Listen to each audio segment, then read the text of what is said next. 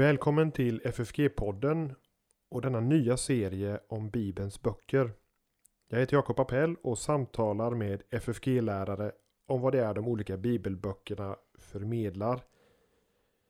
I de olika samtalen kommer vi att försöka lyfta fram det som gör bibelboken så angelägen för oss också idag. Bibeln är Guds ord och är alltid angeläget men vi kan behöva att lyfta fram det som talar till oss på ett särskilt sätt i vår tid. I det här första avsnittet kommer jag att samtala med Torbjörn Johansson om Matteusevangeliet. Och Torbjörn är rektor på FFG och, och det kan kanske passa bra att få ställa frågan nu direkt till dig Torbjörn om varför en sån här serie kan vara värd att publicera. Ja, den ligger ju helt i mm, linje med hur FFG har jobbat egentligen ända från att vi började. Vi har haft, mm, länge hade vi lekmannaundervisning på lördagar. Och vi har haft kvällsbibelskola och vi har liksom velat att Bibelns olika böcker eh, ska gås igenom från, från början till slut. Och nu i pandemitiden här så när vi inte kan eh, samla kvällsbibelskolan så kommer nu denna nya form och detta nya media eh, till användning. Så vi tänkte vi ska försöka gå igenom på sikt eh, alla Bibelns böcker i de här samtalen. Det finns ju faktiskt en bakgrund till genomgångar av bibelböcker. Om jag minns rätt så var det 40 terminer med genomgångar av bibelböcker en gång i FFGs eh, begynnelse. Varje bibelbok gick igenom. Det stämmer, vi hade på lördagar eh, då före kvällsbibelskolan eh, så hade vi lördagsundervisning och det var det var 40 terminer, jag tror till och med i sträck med 4, 5, 6 bibelböcker per termin så att då gick alla de eh, 66 böckerna igenom och flera också eh, en andra och en tredje gång så att eh, det finns en bakgrund där. Så då ska vi försöka att stöpa om dessa både denna kunskap och, och det som redan har gjorts i det digitala formatet. Vi kan väl säga så här att de här avsnitten, det blir inte, tar inte upp alla detaljer kring de olika bibelböckerna. Eh, utan det här blir e-, ett, samtal om några viktiga saker som förhoppningsvis också ska inspirera till eget studium av, av de egna böckerna. Det är nog kanske det som är vår förhoppning med det. Att lyssnaren ska själv sätta sig ner och läsa, studera, fördjupa sig i Guds ord. Vi kommer att börja med Nya Testamentets böcker och, och, gå i ordning bok för bok. Det finns en ambition här att vi ska kunna gå igenom alla Bibelns böcker, men vi börjar i Nya Testamentet och med de fyra evangelierna Direkt kommer vi då in på en specifik genre kan vi säga i Bibeln, nämligen evangelier. Torbjörn, vad skulle du säga är typiskt för evangeliet som genre? Nej men det är ju det första man ställs inför som bibelläsare att det finns eh, ett evangelium men fyra evangelister. Och i den meningen fyra evangelier, evangelieskildringar. Men det är ett evangelium, ett budskap om Jesus, Kristus. Och man kan säga att de här fyra evangelisterna tecknar som fyra olika porträtt. Djupast sett den helige Ande som har inspirerat författarna, han har använt deras personligheter och vi får det här, eh, de fyra kompletterar och fördjupar varandra. Så ett, ett evangelium, fyra evangelister. Man brukar ibland tala om de tre första evangelierna som de synoptiska evangelierna. Matteus, Markus, Lukas. Mm. Och Johannes som en liksom, liten egen kategori av evangelier. Mm. Vad, vad, vad, vad, kan vi säga om den uppdelningen? Mm. Nej men synoptiker, det, synopto, det har att göra med att man ser eh, saken från samma håll. Och man kan säga att de tre första här, Matteus, Markus, Lukas, skildrar eh, Jesu liv, död och uppståndelse från eh, eh på ett likartat sätt i den, alltså i den meningen att eh, man har något kort ibland, inte Markus, han går rakt på sak, men någonting kring Jesu barndom eh, e-, eller födsel. Men sen har vi dopet i Jordan, hans eh, gärning i, i, i Galileen, undervisning och, och kraftgärningar och underverk. Och sedan går han upp till Judeen, till Jerusalem och så börjar lidandeshistorien. Och det här följer de här tre och Johannes kommer sedan och kompletterar dem och berättar eh, om sådant som de andra eh, inte har med. Att Jesus var flera gånger uppe vid Jerusalem till exempel. Du kallar det fyra porträtt utav samma person, Jesus Kristus och hans person och liv. Om vi då tänker oss att Matteus är en av de här porträttörerna eller kanske vi kan kalla honom en, en konstnär. Vem, vem är han? Vad, vad vet vi om honom, han som har skrivit Matteus evangeliet? Vi vet egentligen eh, väldigt lite om eh, Matteus som person. Egentligen vet vi bara det som står i Matteus evangeliet. I fornkyrkan sedan blir det väldigt tyst. Och jag tror att Matteus hade varit glad för det. För han har förstått att det inte handlar om honom eller om människor utan han vill lyfta fram Jesus. Men eh, den tradition som finns i fornkyrkan det är att det är Matteus aposteln, en av de tolv, som också är Matteus evangelisten. Det är en eh, entydig eh, uppfattning i fornkyrkan. Ehm, sen har det i eh, nyare tid eh, ifrågasatts om man har tänkt sig om det finns en annan Matteus som skulle vara författare än, än Matteus, en av de tolv. Men ehm, det finns några saker i evangeliet som också tycks tyda på att eh, det var Matteus, en av de tolv, som är evangelisten och vi kan komma tillbaka till det strax. Men som svar på din fråga här att ehm, vad vi vet om Matteus så är det egentligen bara att han är eh, tulltjänsteman, eh, blir kallad av Jesus, blir en apostel och inte mycket mer än så.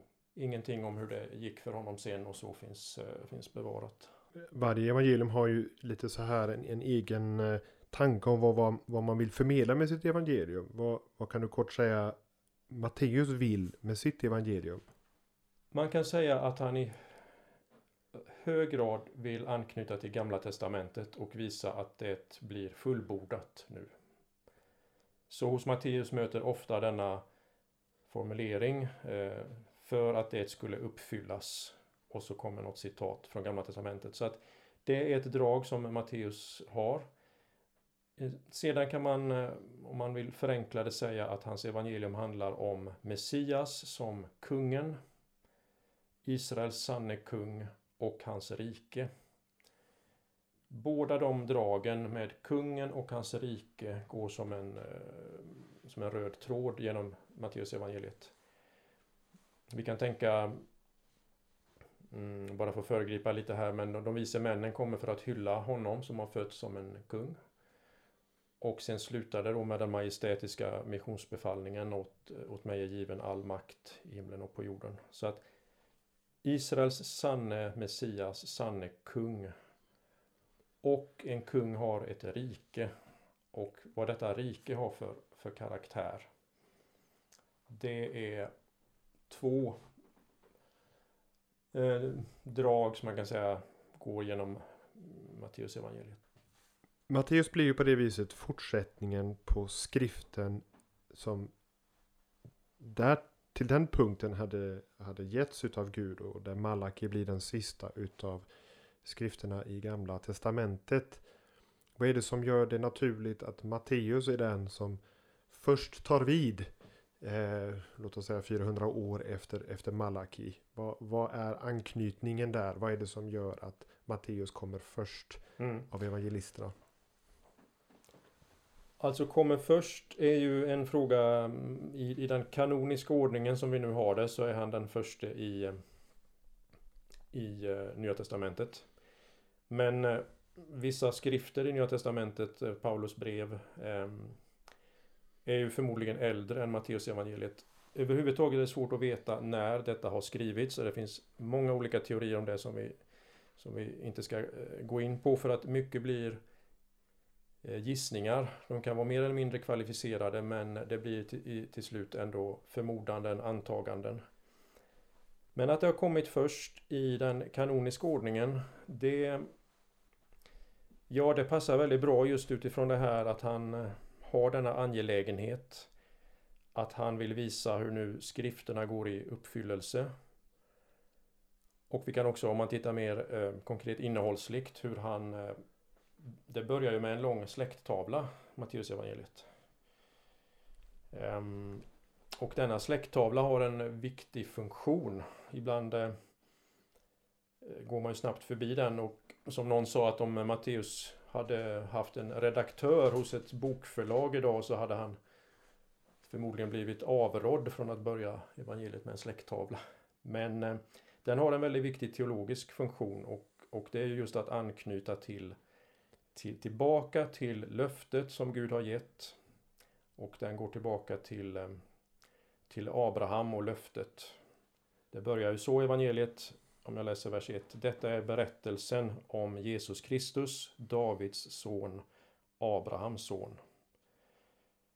Abraham födde Isak och så, och så går det framåt. Och, eh, så att på så sätt eh, är Matteus evangeliet denna viktiga länk, inte bara mellan två eh, eh, epoker så här, utan det går tillbaka ända till början på den första epoken. Och om man det som här är översatt nu, detta är berättelsen om Jesus Kristus.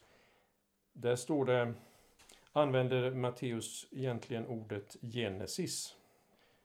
Alltså det intressanta är att både Johannes i sitt evangelium, han börjar ju i begynnelsen, som griper tillbaka till första Moseboks formulering i begynnelsen. Markus han använder samma ord som Johannes egentligen fast det inte framgår nämligen grekiskans arché som också är begynnelsen av något. Och Matteus han har ordet Genesis. Detta är boken om Jesu Kristi Genesis som också för tillbaka tankarna alltså till första Mosebok. Så att alla evangelisterna, utom Lukas i det här fallet, använder någon form av mm, formulering som gör att det här griper tillbaka till eh, första Mosebok och därmed vill visa nu handlar Gud på nytt. Nu griper han in på detta särskilda sätt och med eh, Paulus sedan har vi ju Jesus som den andre Adam. Och mycket i Matteusevangeliet kan man också säga är lämpligt här att det kommer först därför att det visar hur eh, det som fanns i Moseböckerna och skildringen av Israel blir nu eh, det händer på nytt fast nu uppfyller Jesus det som Israel inte uppfyllde. Han är den, den sanne eh, israeliten, han är den som, eh, som gör det som eh, folket inte lyckades med. Ja, det där är, är något som jag har, har noterat och som andra har talat om detta att Matteus tycks strukturera hela sitt evangelium kring fem stora tal som Jesus håller. Och om man eh, ser det så, så skulle det här kunna korrelera till de fem Moseböckerna. Ett av talen är Jesu bergspredikan, där Jesus talar väldigt specifikt om, om, om buden och hur de uppfylls och, och, och vad dess eh, djupaste ärende är. Eh, vad skulle du vilja säga, vad, vad är relationen här mellan eh, Moseböckerna, Mose, Jesus och det som Matteus vill lyfta fram här? Alltså, som du nämner här, de fem talen är ju speciellt för Matteusevangeliet och skapar en slags struktur. Det är fem eh, samlingar av, av långa tal som inte på samma sätt finns i de andra eh, evangelierna. Det är bergspredikan i kapitel 57.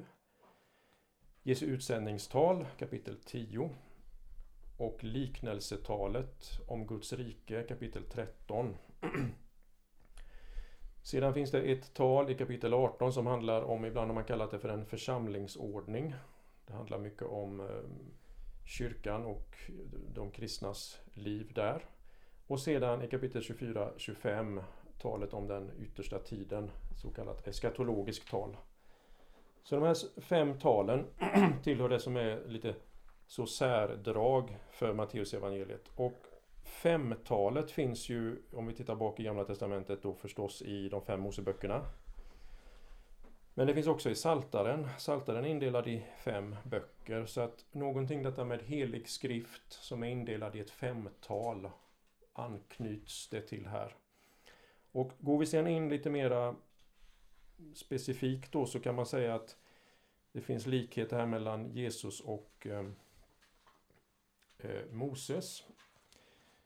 Eh, om vi tänker på deras barndom så var ju Moses eh, hotades till livet där av farao. Farao ville döda gossebarnen och eh, i Jesu fall så var det Herodes som ville döda gossebarn. Så att det finns ett barnamord i Egypten och det finns ett i, i Betlehem och Mose räddas ur det.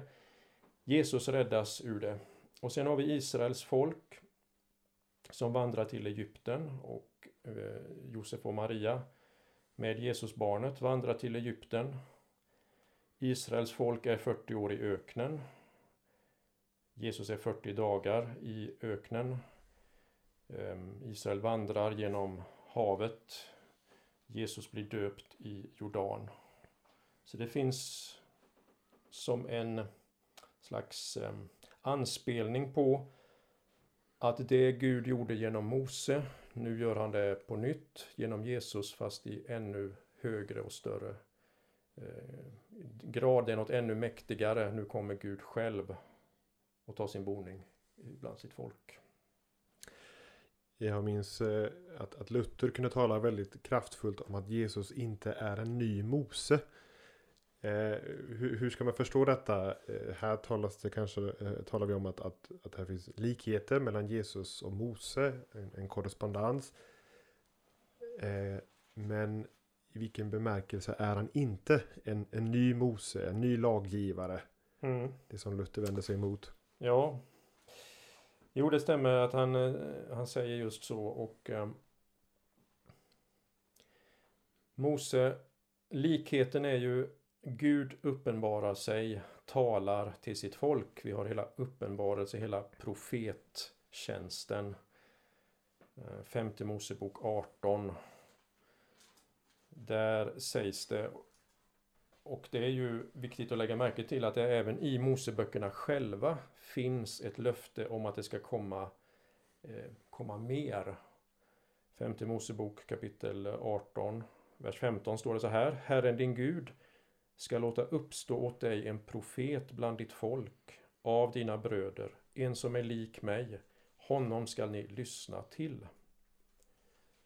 Så att Mose själv pekar fram mot att det kommer eh, fler eh, profeter och i synnerhet här talas om singular profet. En profet bland ditt folk, en som är lik mig. Ja, han är ju mer än Mose. Det Mose särskilt fick uppenbarat det var lagen. Också evangeliet men eh, särskilt Mose lag tänker vi på. Och när Jesus kommer så säger han ju att han inte har kommit för att eh, upphäva denna utan för att uppfylla den. Men han kommer också med detta med evangelium. Evangelion, det glada budskapet. Och som eh, de flesta ju känner till så betyder evangelium ett glatt budskap ett segerbudskap ännu mer konkret. Och om vi tittar på det i antiken där så när man använde det här ordet så var det alltså när man hade vunnit en seger.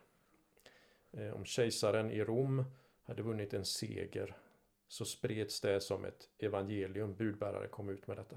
Men om vi tänker efter lite mer vad det här betydde så var det här en fråga om liv och död för de människorna som fick höra det. För om du var i ett område och kejsaren inte vann seger, om du tillhörde kejsaren och, och han inte vann seger så betyder det att snart från slagfältet kom fienden. Och det betydde mm, i princip folkets undergång. Det betydde slaveri, plundring, våldtäkter, död, undergång. Så att när de fick höra ett evangelium om en seger så var det en, med livets budskap. Och nu är evangelium i eh, Nya Testamentet något väldigt speciellt. Det är Jesus seger över synd, död och helvete. Och detta är hans ärende. Nu har Guds rike kommit med honom. Det kommer. Det bryter fram. Och um, utan att vi ska gå mm, djupare in i det här, det kanske vi ska spara till Paulus avsnitten. Men Paulus han har ju inte minst i Romarbrevet och Galaterbrevet de här eh, där han kontrasterar lagen och löftet. Evangeliet är synonymt med löftet. Och det är där Luther säger att eh, Nya Testamentet, Kristus, kommer med löftet, det som griper tillbaka till Abraham. Och det är både tidigare och starkare än lagen som kommer med Mose. Så om man säger parallellen till Mose så är det Gud handlar genom att gripa in. Han talar sitt ord, han uppenbarar sin sanning. Och därför har man ju anknutit till detta också senare i, i man talat om Jesu tre ämbeten som profet, överstepräst och kung och som profet talar han Guds ord. Han är Guds son, han är Gud, men han har ett en profetiskt ämbete eller en profetisk uppgift att också tala då Guds ord. Eh, värt att lägga märke till är ju att när Jesus ger bergspredikan som man kan se som en slags utläggning av orden, buden vid Sina i berg. Jesus kan säga, ni har hört att det är sagt till fäderna, du ska inte mörda. Det är ett direkt citat ur eh, de tio buden. Men, men, men här verkar det som att Jesus vill, vill skärpa lagen och, och, och driva den ända till sin spets här. Jesus börjar med att säga om inte er rättfärdighet går långt utöver de skriftlärda så fariséerna ska ni inte komma in i himmelriket. Det verkar nästan som att oj, de är ju bäst i klassen. Hur skulle vi överhuvudtaget kunna överträffa dem i rättfärdighet? Och så visar där då Jesus på vilket sätt det kan vara, nämligen att inte bara tänka den yttre handlingen mörda utan redan hjärtats oförsonlighet och hat är en del av denna rättfärdighet som, som hör himmelriket till. Och, och så blir det på det viset när lite oväntat med den här utläggningen av Mose lag som inte kanske lämnar människor mer rättfärdiga i sig själva utan, utan snarare ja, tomhänta, fattiga i anden som Jesus säger i inledningen utav bergspredikan. Var finns denna rättfärdighet etc. Det är ett viktigt drag. Jesus skärper lagen. Han visar lagens djupaste och eh, djupaste innehåll. Att det går till själva hjärtat. Till eh, rörelserna inne i hjärtat som vrede, begär olika. Och det ställer oss i en mening då alla lika. Och det är intressant när man tänker på när han nämner där fariséer skriftlärda. Då är det intressant att också tänka på Matteus, en sak, en detalj, eh, men som eh, i sig är ett litet evangelium. Ehm, om vi vänder tillbaka lite till vad vi då får reda på om Matteus i evangeliet så är det egentligen bara att han är tullindrivare, han blir kallad. Han står upp och följer Jesus och um, i anslutning till det, vi har berättelsen om eh, kallelsen av Matteus i kapitel 9. Jesus gick vidare och fick se en man som hette Matteus sitta utanför tullhuset.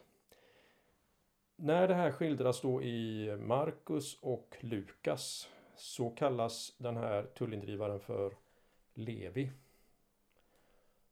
Så Levi satt utanför tullen och blev kallad. Och Matteus har här namnet Matteus. Och det är väl en liten indikation kanske att det är han själv då som det handlar om. Eh, det var vanligt att man hade dubbelnamn inom judendomen här i antiken, till exempel Simon Petrus och, vi har många andra exempel. Så att här säger Matteus nu att eh, han är en tullindrivare. Och så fortsätter det i kapitel 9, där vers 10. När Jesus sedan var gäst i hans hem kom många publikaner och syndare och låg till bords tillsammans med Jesus och hans lärjungar. Fariséerna fick se det och frågade hans lärjungar Varför äter er mästare med publikaner och syndare? Jesus hörde det och sa Det är inte de friska som behöver läkare utan de sjuka. Gå och lär er vad detta ord betyder. Jag vill se barmhärtighet, inte offer, ty jag har inte kommit för att kalla rättfärdiga utan syndare. Och det här är också som ett tema i, i Matteusevangeliet. Dels konflikten och motsättningen nu med Ehm, fariseerna. Och dels att Jesus är syndares vän. om vi bara går in i nästa kapitel när Jesus, eh, Jesu apostlar, de tolv, räknas upp. Så är det intressant hur Matteus där nämns med ett till, eh, en, en, en beskrivning. Det räknas upp så kommer det Filippus och Bartolomeus, Thomas och Matteus, publikanen. Thomas och Matteus, publikanen. Alltså synd, syndaren kan man säga. Detta är Matteus lilla e- evangelium med den versen. Att han som en syndare som inte hörde till de fromma Israel blev en av de tolv. Så att när Gud kommer och vi vet att tolvtalet här är, är viktigt de tolv, det fanns tolv patriarker i eh, Gamla Testamentet. Israels tolv stammar och nu kommer Gud och formar ett nytt folk och han väljer ut tolv och en av dessa är publikan. Det, det är ett evangelium. Och denna spänning nu som, eh, som här uppstår då mellan eh, de, de fariser och skriftlärda går också här som en, en, en röd tråd genom genom Matteusevangeliet. För att kulminera i slutet där och med eh, korsfästelsen. Och det kanske är också så att, att Matteus har det här som en, en angelägenhet i sin komposition utav evangeliet. Jag noterade här att ett av de längsta avsnitten där Jesus undervisar det är ett av de skarpaste i hela Nya Testamentet, Matteus 23. Det finns bara i Matteus igen dessa många och långa verop över fariseerna, de skriftlärda, över deras blindhet, över deras ledarskap. Som kanske kan sammanfattas i detta att vilja vara rättfärdig i människors ögon men inte i, i Guds.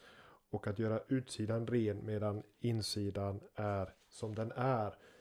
Eh, det, det är det här Matteus han har fått fatt på någonting där som både hänger samman med hans egen historia men också hur han ser Jesus möta de, de, eh, de i människors ögon rättfärdiga. Ja, man kan säga att i evangelieskildringen eh, som vi har i Matteus finns en väldig egentligen dramatik eh, som växer fram och byggs upp som en spänning, alltså om vi ser på det som en berättelse inspirerad av eh, den heliga Ande. Och så har Matteus eh, i Andens inspiration skrivit detta. Och han bygger upp det så att vi har denna spänning och den liksom stegras mer och mer, nämligen mellan Jesus och eh, de skriftlärda fariseerna. Och i, som du nämnde här, det här talet, så når det på ett sätt eh, i, i talet här sin, sin högsta punkt i på sätt och vis den starkaste motsättningen och spänningen som vi, vi har i eh, evangelierna. Och det är ju tänkvärt och viktigt att lägga märke till att det är inte med de som inte brydde sig om Gud eller hans lag, utan det var de som var kända för att ta Gud och hans lag på största, största allvar. De kom denna starka konflikt eh, med. Och det är lätt att göra karikatyrer av fariseerna. Och som någon sa så var det knappast så att fariseerna så att säga gick runt och, och tänkte sådär att jag genom mina eh, förtjänster och laggärningar eh, förtjänar att eh, kunna komma till Gud och så vidare. Man kunde tala mycket om Guds nåd. Men det som var ett drag i farisismen som, som finns i evangeliernas skildringar det var detta att man gjorde skillnad på på, på människor. Och vi har den kända, inte i Matteus, utan det är i Lukas med farisén och publikanen, tullindrivaren i templet. Eh, Jesus säger att två män gick upp till templet för att be. Den ena var farisé och den andra publikan. Och det som då farisén eh, bad och tackade för det var att jag inte är som andra människor. Så detta även om man eh, Även om man kunde tala om nåd och barmhärtighet hos Gud så detta att man gjorde denna skarpa skillnad att jag är i alla fall inte som de syndarna. Det är ehm, kännetecknande för, för uh, den grupp som Jesus nu har denna skarpa, skarpa motsättning med.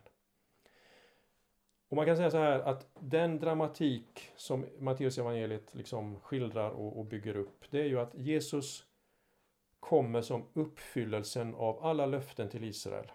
Han kommer med det nya Guds rike. Detta nu som skulle vara det största evangelium för Israel möter istället ett växande motstånd. Och den här mm, liksom parallella skildringen av samtidigt som Jesus samlar och eh, de tolv, han, han når fler och fler lärjungar så växer det fram ett motstånd från folkets ledare. Och detta motstånd det kulminerar i kapitel 23 eh, i Jesu verop över det här ledarskapet och i hans korsdöd. Han, den utlovade, blir inte mottagen som vi skulle tänka när Gud kommer till sitt folk utan istället förkastad. Det är hela korsets eh, paradox och korsets eh, teologi här att just för att vinna den seger, att han skulle kunna öppna himmelriket också för eh, de fromma, de ofromma, för judar, för hedningar, så måste han dö för allas synder. Och passionsskildringen är ju liksom omvänd, det är som ett timglas att här blir det inte större och större skaror utan Jesus blir mer och mer ensam.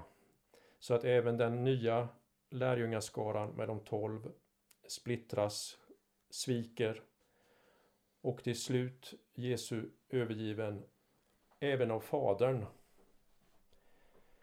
Och som den sanne Israeliten, som den sanna människan och som sann Gud står han fast och vinner seger och så kommer uppståndelsen, det nya livet och missionsbefallningen.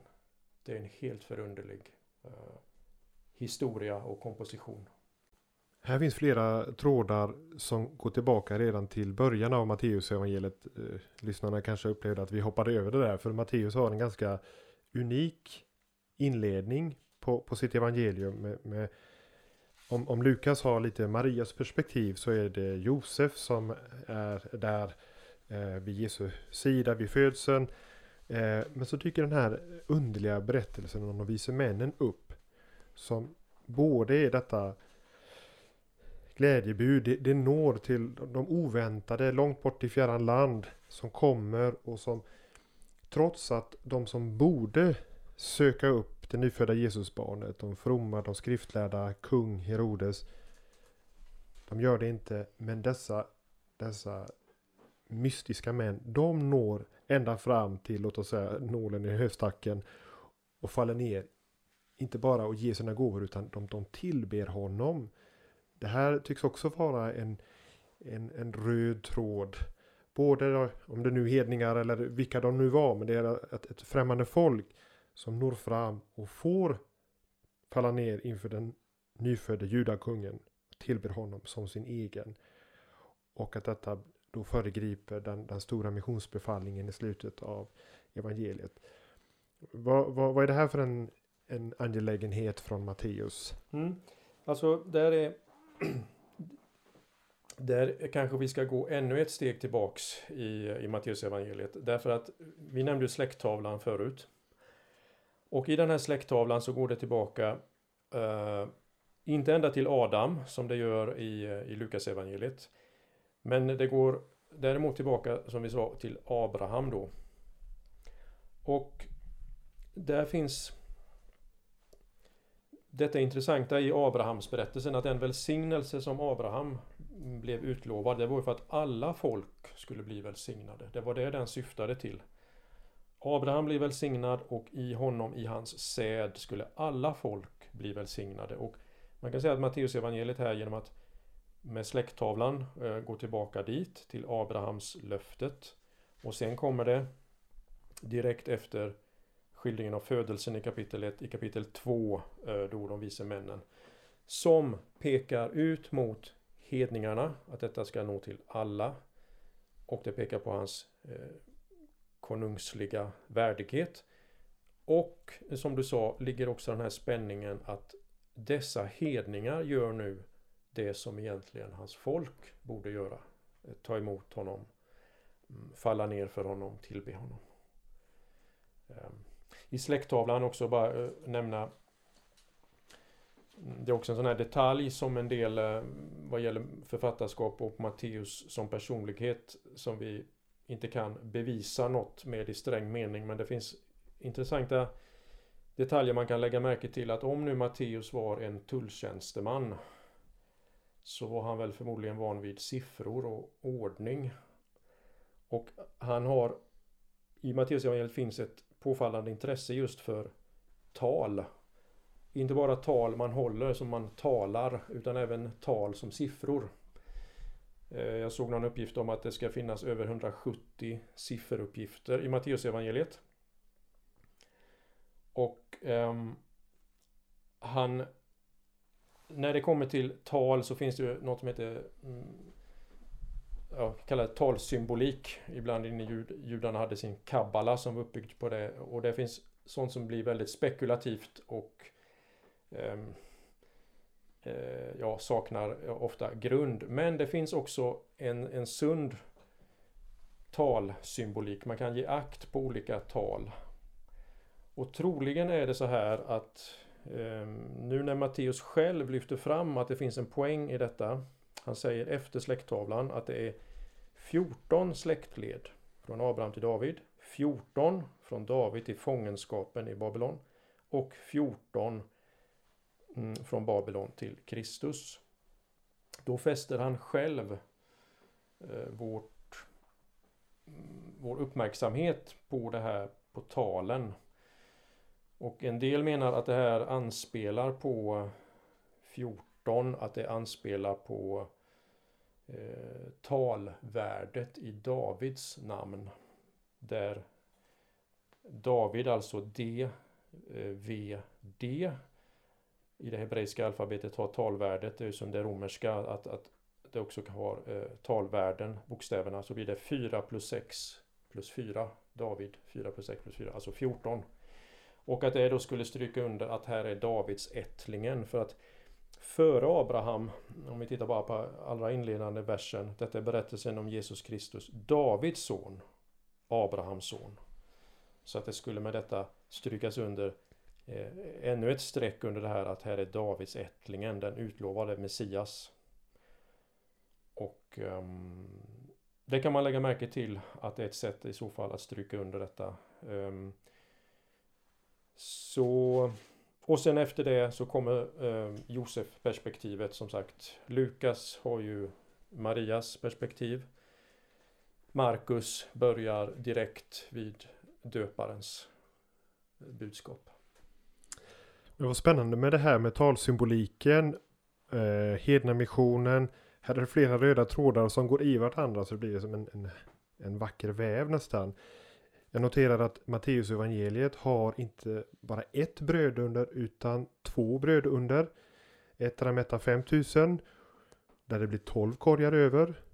Ett där han mättar 4000 där sju korgar blir över. Och 12 det, det, har vi, det har vi med, med Israels 12 stammar att göra. Det, det, det fokuserar på det, på det judiska folket och sju fullhetens tal. Eh, det undret, om jag förstår det rätt, är på hedningarnas område. Så att det här brödundret tycks också vara en del av både Matteus intresse för, för talsymbolik men också hans intresse för att alla folk på jorden ska bli välsignade. Löftet till Abraham ska sedan eh, fullbordas och förverkligas genom Jesus Kristus. Och så mynnar det ut i, i, eh, i missionsbefallningen i sista kapitlet. Där alla folk ska göras till lärjungar. Är det här en del av, av Matteus komponerande?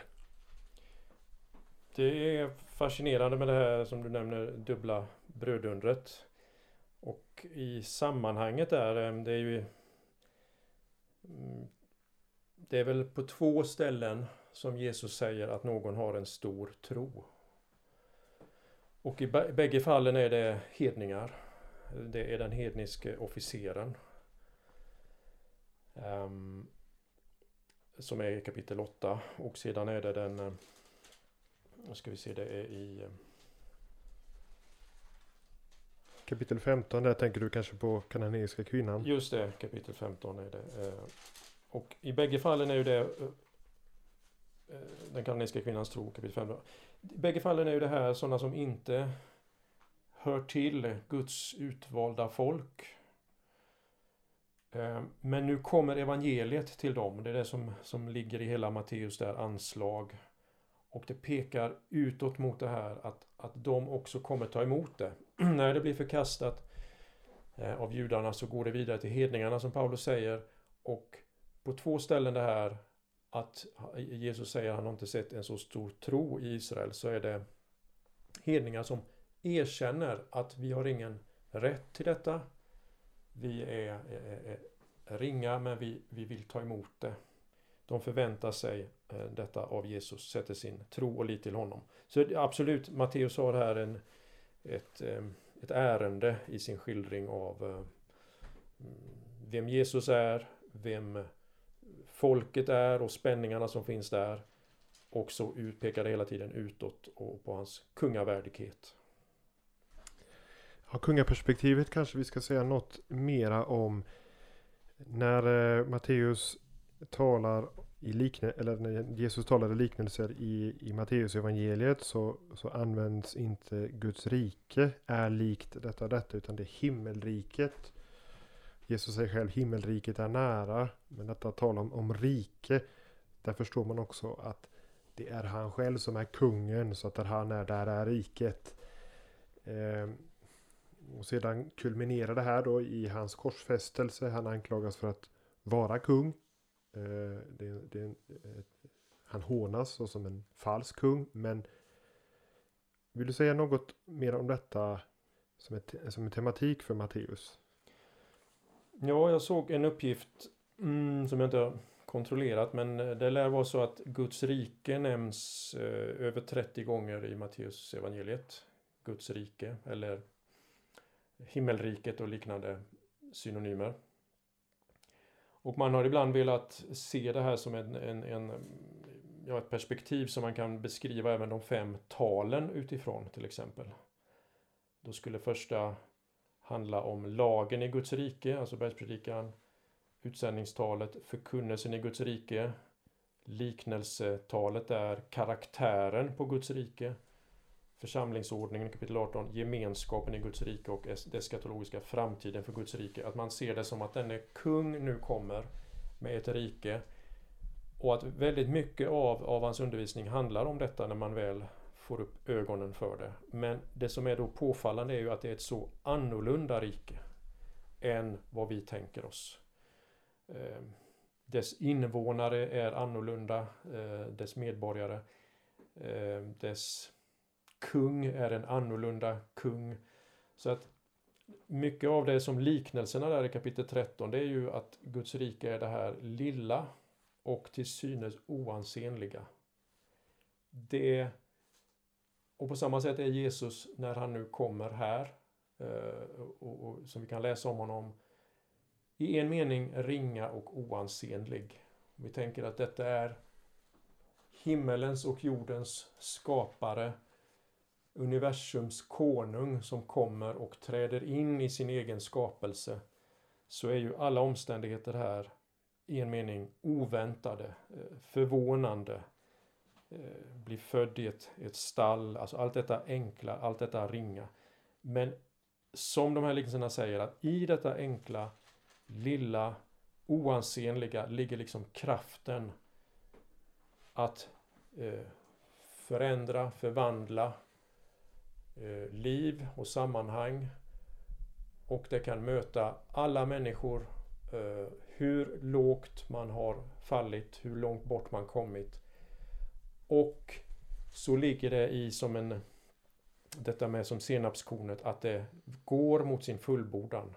Alla Guds ord går i uppfyllelse och, och denna, denna kung ska bli uppenbar som universums konung. Hans rike ska bli uppenbart som det verkligt bestående Gudsriket. Så det finns, mm, som du sa med kungen och hans rike, samtidigt som det ligger hela tiden i det att det, det är en annorlunda kung och ett annorlunda rike. Som vi nu tar emot i tro och väntar på ska fullbordas i, i härlighet. En liten detalj som är unik för Matteus evangeliet är att eh, när Josef får veta att han att Maria är havande, ska bli havande, så ska man ge honom namnet Immanuel. Eh, Maria får veta att han ska få namnet Jesus, men här vill Matteus förstås knyta an till eh, profetian i Jesaja. Men så läggs det till detta av Matteus, för det betyder Gud med oss. Jesus är Gud med oss. Uppfattar du att det här är också en, en liten röd tråd om man, om man betänker hur det hela avslutas? Jesus ger mm. missionsbefallningen, döpt dem i Faderns och Sonens och den heliga Andes namn och lär dem att hålla allt vad jag har befallt er. Och se, jag är med er. Gud med oss är med er, lärjungarna. Och inte bara lärjungarna, utan han är med Ja, vem är det han talar till där egentligen? Om det handlar om alla dagar in till tidens slut, även apostlarna, efter apostlarnas död.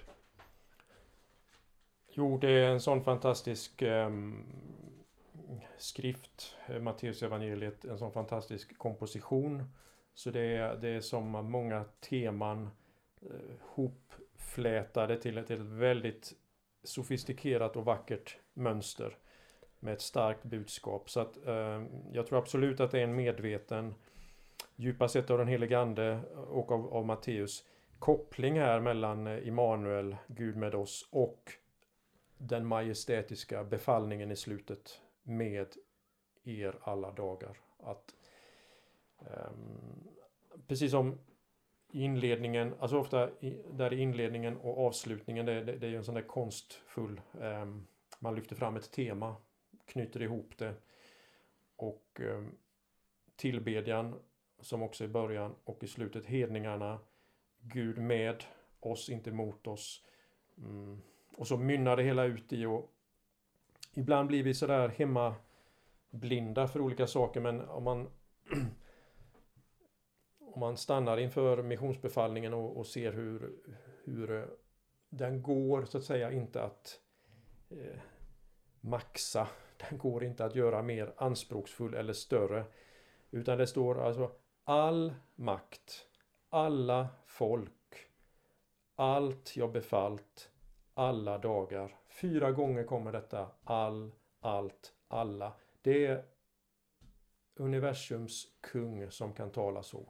Och denna nu som vi lever under och, och lever med och under i, i den tiden sen den är, är sagd börjar alltså med den här ringa, ringa begynnelsen hur Maria och Josef och berättelsen och det lilla barnet. Så att liksom det, det vi kan kalla det det partikulära och det universella finns här en slags dynamik mellan just i Israels linje här av utkorade eh, människor som Gud har, har handlat genom som vi har i, i släkttavlan genom Josef och Maria och, och händelserna där så kommer detta spädbarn och detta gäller alla folk. Så det är liksom spänningen mellan utkorelsen och det som är för alla folk.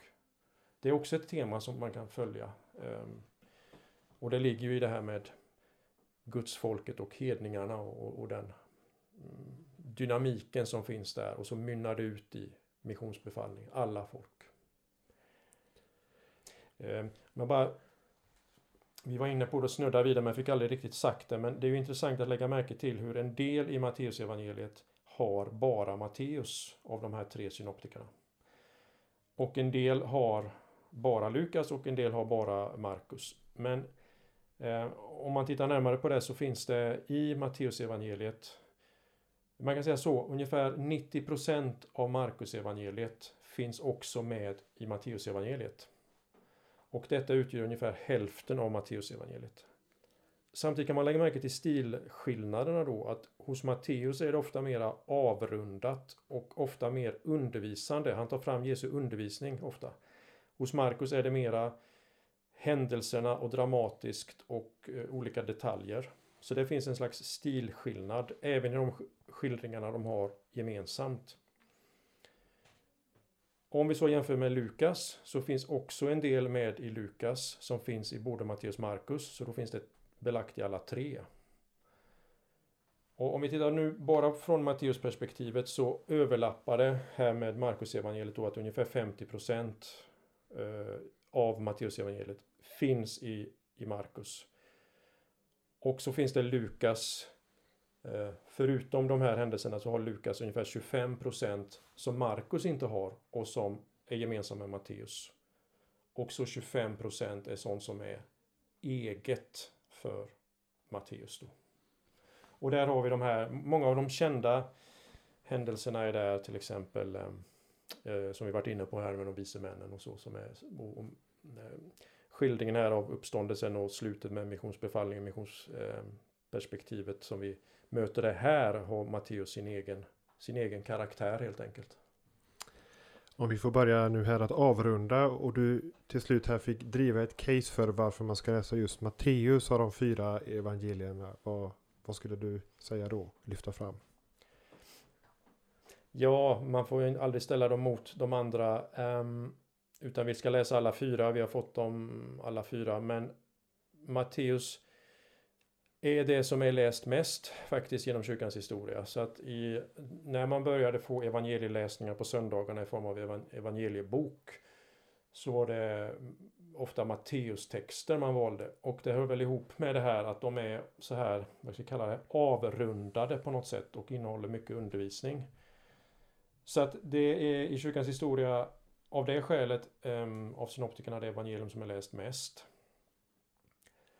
Och sen ska vi läsa alla fyra och vi ska liksom tänka på vad Gud har velat lyfta fram just genom den här evangelisten.